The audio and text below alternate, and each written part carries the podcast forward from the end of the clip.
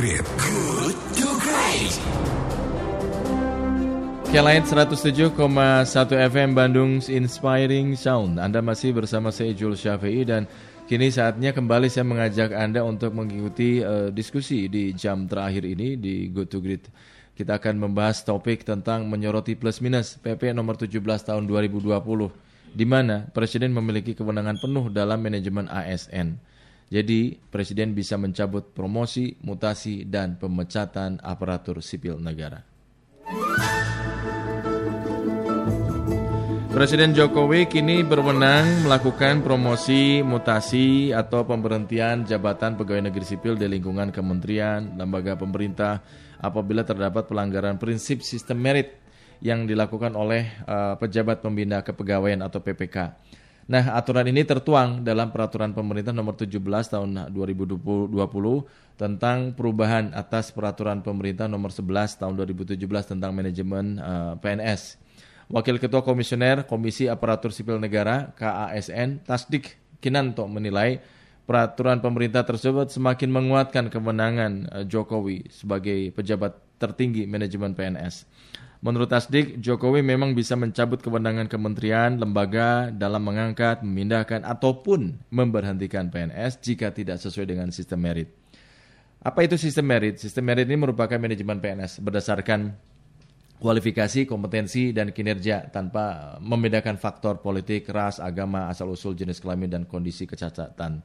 Nah, kita akan diskusi perihal uh, topik kita pagi ini bersama narasumber yang sudah terhubung di ujung telepon yaitu Pak Yogi Suprayogi Sugandi, Esos MA, PhD. Beliau adalah peneliti kebijakan di Injabar dan juga Ketua Pusat Studi Reformasi Birokrasi serta Local Governance dari Universitas Pajajaran Bandung. Assalamualaikum, selamat pagi Pak Yogi. Waalaikumsalam Kang Ijul, halo sahabat Light semuanya. Yes Pak Yogi, bagaimana tanggapan Anda mengenai PP nomor 17 tahun 2020?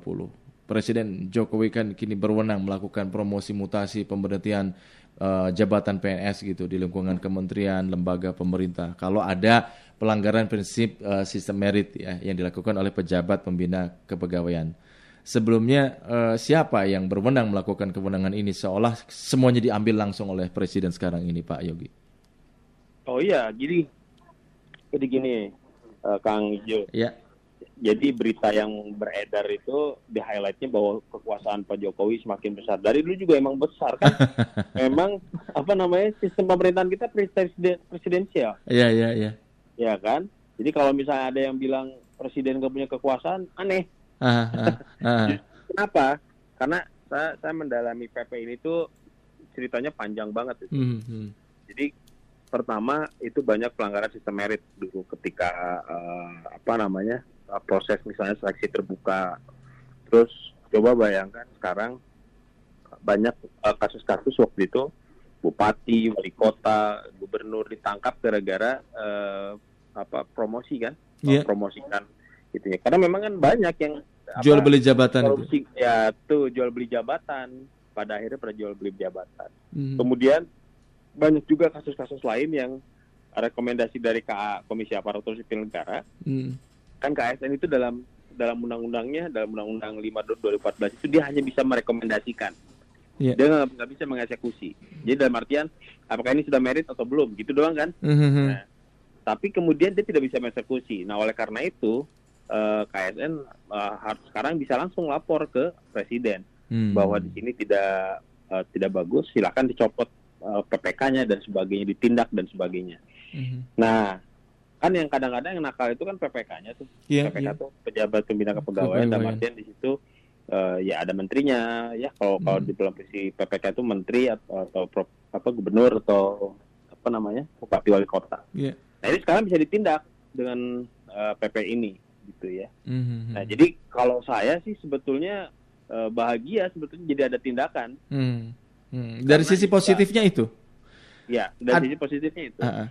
Nah Ad- kemudian dari sisi negatifnya saya belum melihat justru sisi negatifnya kenapa masalah uh, cabut jabatan pejabat ini dia uh, negatif gitu ya. Mm. Karena selama ini kan apa ya PNS itu kan kayak punya bosnya masing-masing. Iya. -masing.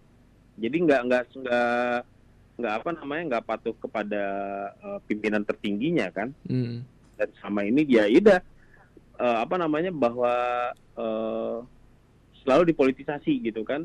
Bupati dia bupatinya misalnya warna partainya uh, abu-abu misalnya ikut ke abu-abu warna ini ikut ke sana. Nah sekarang dengan adanya arahan presiden itu semuanya sistem presidensial. Dan menurut saya sangat setuju dengan itu Tapi apakah ini tidak terus lalu membuka celah bahwa misalkan eh, kan tidak membedakan eh, po- eh, apa pilihan politik, eh, ras, agama dan sebagainya.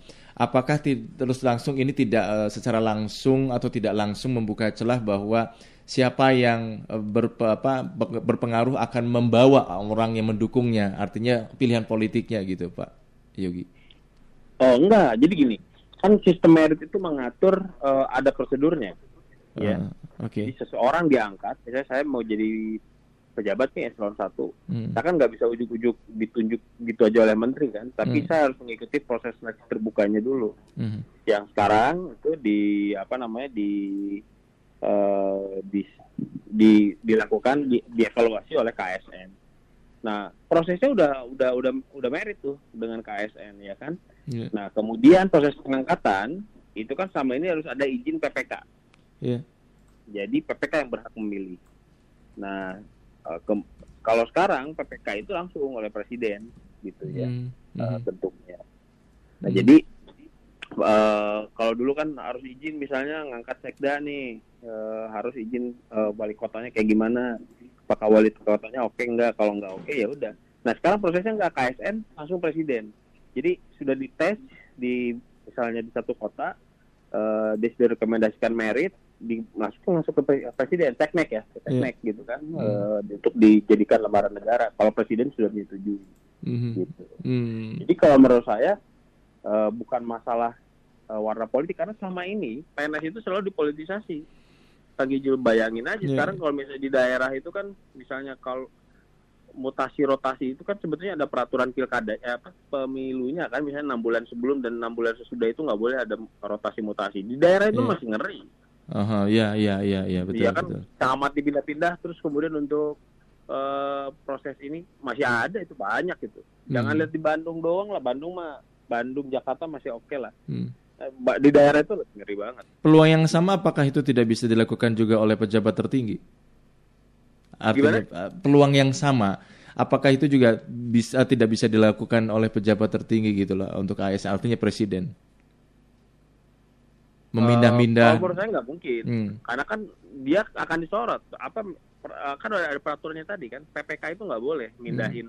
PPK itu dalam artian gini, PP, pejabat pembina kepegawaian itu kan selama ini kan didistribusikan di be- beberapa eh bukan distribusikan. Jadi eh, wali kota gitu kan, dia pejabat-pejabat itulah. Nah, sekarang ditarik semuanya kewenangan itu oleh presiden. Hmm, hmm, hmm. Gitu. Dan dalam artian bukan presiden sendiri yang mengakses itu kan, tapi Iya. kan ada BKN di situ. Jadi prosesnya udah cukup panjang menurut saya. Jadi bukan artian presiden presiden sendiri yang menentukan ABC enggak, pasti ada ada masukan-masukan banyak. Hmm, gitu Termasuk kan. dari KASN itu ya. Ya Yogi? KSN. Karena gini, yang harus kita sikapi, ini kan KSN itu kan direvisi undang-undang yang baru itu akan dihilangkan oleh Oh. beberapa partai itu kan. Hahaha. Nggak ada salinannya. Hmm. Nah ini lebih menarik lagi kalau menurut saya karena banyak yang akan menjegal sistem merit ini, Menghe- menghembuskanlah sekarang bahwa apa namanya eh, kekuasaan presiden terlalu besar dan sebagainya. Hmm. Jadi apa namanya teori konspirasi ini kan memang dibuat untuk menghancurkan kredibilitas merit sistem yang ada di Indonesia. Sistem merit ini kan disusun untuk mencegah ASN aparatur sipil negara berbuat curang ketika mereka Ya. bekerja sehingga bisa tujuannya adalah mewujudkan ASN yang berkualitas, kompeten, netral, berintegritas segitulah kira-kira ya Pak Betul. Yogi. Nah, pertanyaannya ah, siapkah kita menerapkan sistem merit ini dari evaluasi Anda sejauh ini ah, terkait sistem merit ini bagaimana gitu. Bagaimana menerapkannya? Iya. Ya jadi gini, sistem merit itu kan ada ada empat level ya. Hmm. secara teknis ya. Tapi saya nggak usah jelasin empat level itu. Tapi sem- semakin daerah tersebut eh, eh, apa saya lupa lagi. Yang tertinggi itu empat ya kalau nggak salah. Kalau nilainya dia empat, dia tuh bisa dia bisa melakukan sistem talent pool namanya. Jadi nggak usah ada seleksi terbuka. Hmm. Jadi kalau misalnya gini kan, satu daerah nih sudah melakukan seleksi terbuka banyak ya orang kan kan mahal tuh Iya. biayanya. Iya. Misalnya eh, udah 10 orang nih sekarang untuk seleksi dinas tertentu ini 10 orang dikumpulin semua Mm-mm. Dalam bentuknya talent pool. Nah talent pool ini nanti dia dilihat ini cocok dengan mana. Jadi nggak usah lagi dibuat seleksi terbuka lagi. Seleksi Hmm. terbuka itu kan mahal kan. Iya, iya, iya. Nah di daerah beberapa daerah itu baru beberapa daerah kalau nggak salah saya lupa lagi Jawa Tengah mana gitu dia yang sudah menggunakan sistem talent pool seperti ini. Jadi kita itu mengadopsi sistem yang dilakukan oleh Australia sebetulnya. Hmm. Uh, jadi memang ada kelebihan ada kekurangan. Pertama memang mahal sistem ini. Memang Hmm. saya sering mengkritisi ini mahal banget dan agak konyol gitu kalau misalnya hanya milih untuk satu uh, pejabat dia bisa sampai Biayanya apa ya, tinggi gitu ya. 300 jutaan lah gitu. Karena memang Wow. ada psikologinya tesnya terus ada Oh. wawancara gitu. Saya sempat jadi beberapa seleksi apa panitia seleksi juga ya Mhm. di penilai. Ya, itu memang memang membayar saya aja lah kayak level membayar saya aja cukup mahal karena ada Hmm. SBU-nya kan Ya. standar biaya umum betul. untuk ininya itu memang harus di- diperbaiki terus itu untuk untuk seleksi terbuka gitu. Hmm. Kalau- talent pool itu lebih murah Hmm. karena udah ada orangnya tinggal dipilih aja. Iya, iya, iya, Nah, iya. Sistem merit ini sebenarnya eh, jika dilakukan itu membebaskan ASN itu dari pengaruh-pengaruh politik. Karena ASN itu harus netral, Mas. Betul integritasnya ada kuat itu. Betul, ASN itu kan saya saya dosen PNS. Saya kan harus netral, saya nggak boleh misalnya ada pemilihan pilkada tertentu saya ikut ini gitu ya Iya. eh, mendaftar sebagai di struktur organisasi ya Hmm. gitu. Jadi nggak nggak ya harus netral. Jadi nggak bisa dia main-main dengan ikut sana ikut sini, arus sana sini gitu. Hmm, hmm, iya, iya. Nah, menurut Anda prasyarat lain atau hal krusial apa yang mestinya dipenuhi sebelum ini diterapkan gitu? Eh, ya pertama ya memang ada kejujuran dari kepala daerah ini tadi ya. Kalau di daerah atau kementeriannya. Tapi kalau saya pikir kalau kementerian nggak terlalu kentara lah kayak gini-gini ya. Mhm. Karena kan mereka sudah bisa mengangkat staf ahli itu ya, staf khusus itu ya. Iya. Nah, jadi orang-orang mereka udah bisa masuk lah. Tapi kalau misalnya di, di kedeputian dan apa dirjen eselon satunya dia dia semua sekarang udah pakai seleksi terbuka. Hmm. Eh, dan di pemerintahan Pak Jokowi pun eh, zaman kemarin itu semuanya ada seleksi terbuka, nggak ada main tunjuk aja gitu nggak ada. Mhm, mhm, iya. Apa eh, nggak nggak mungkin. Nah, yang agak horor itu di daerah memang. Hmm. Di daerah itu horor banget.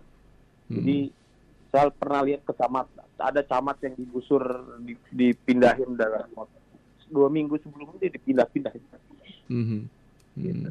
Artinya Nah, tantang, tantangan terbesarnya untuk terkait eh, sistem yang baru ini lebih banyak di daerah. Ya, justru kalau menurut saya banyak tantangannya di daerah. Oh. Itu karena kalau di pusat mungkin sudah terlalu sosialisasikan lah. Ini contoh ya, Iya. contoh di Jawa Barat. Hmm. Jawa Barat aja kemarin yang kena gara-gara jual beli jabatan banyak banget kan. Kalau Hmm. saya lupa lagi ya, Cirebon atau mana gitu ya. Hmm. Itu kan jual beli itu. Iya, Dan iya. akhirnya eh, kemarin ada proses seleksi terbuka, dia pakai pakai proses merit Hmm. karena takut kan ditangkap KPK. Iya, iya, iya. Baik, baik. Pak Yogi, Sistemnya teri- udah bagus sebenarnya. Iya. Cuman kadang-kadang dalam pengambilan keputusan itu banyak dimainin. Hmm. Persis. Baik Nah. Pak Yogi, terima kasih Pak Yogi. Ini waktu sudah tidak ada lagi. Sebenarnya masih Oke, ada siap. beberapa pertanyaan. Next mungkin kita bisa diskusi lagi. Menarik perbincangan ini menjadi edukasi butuh kita untuk sebagai apa? Edukasi untuk publik.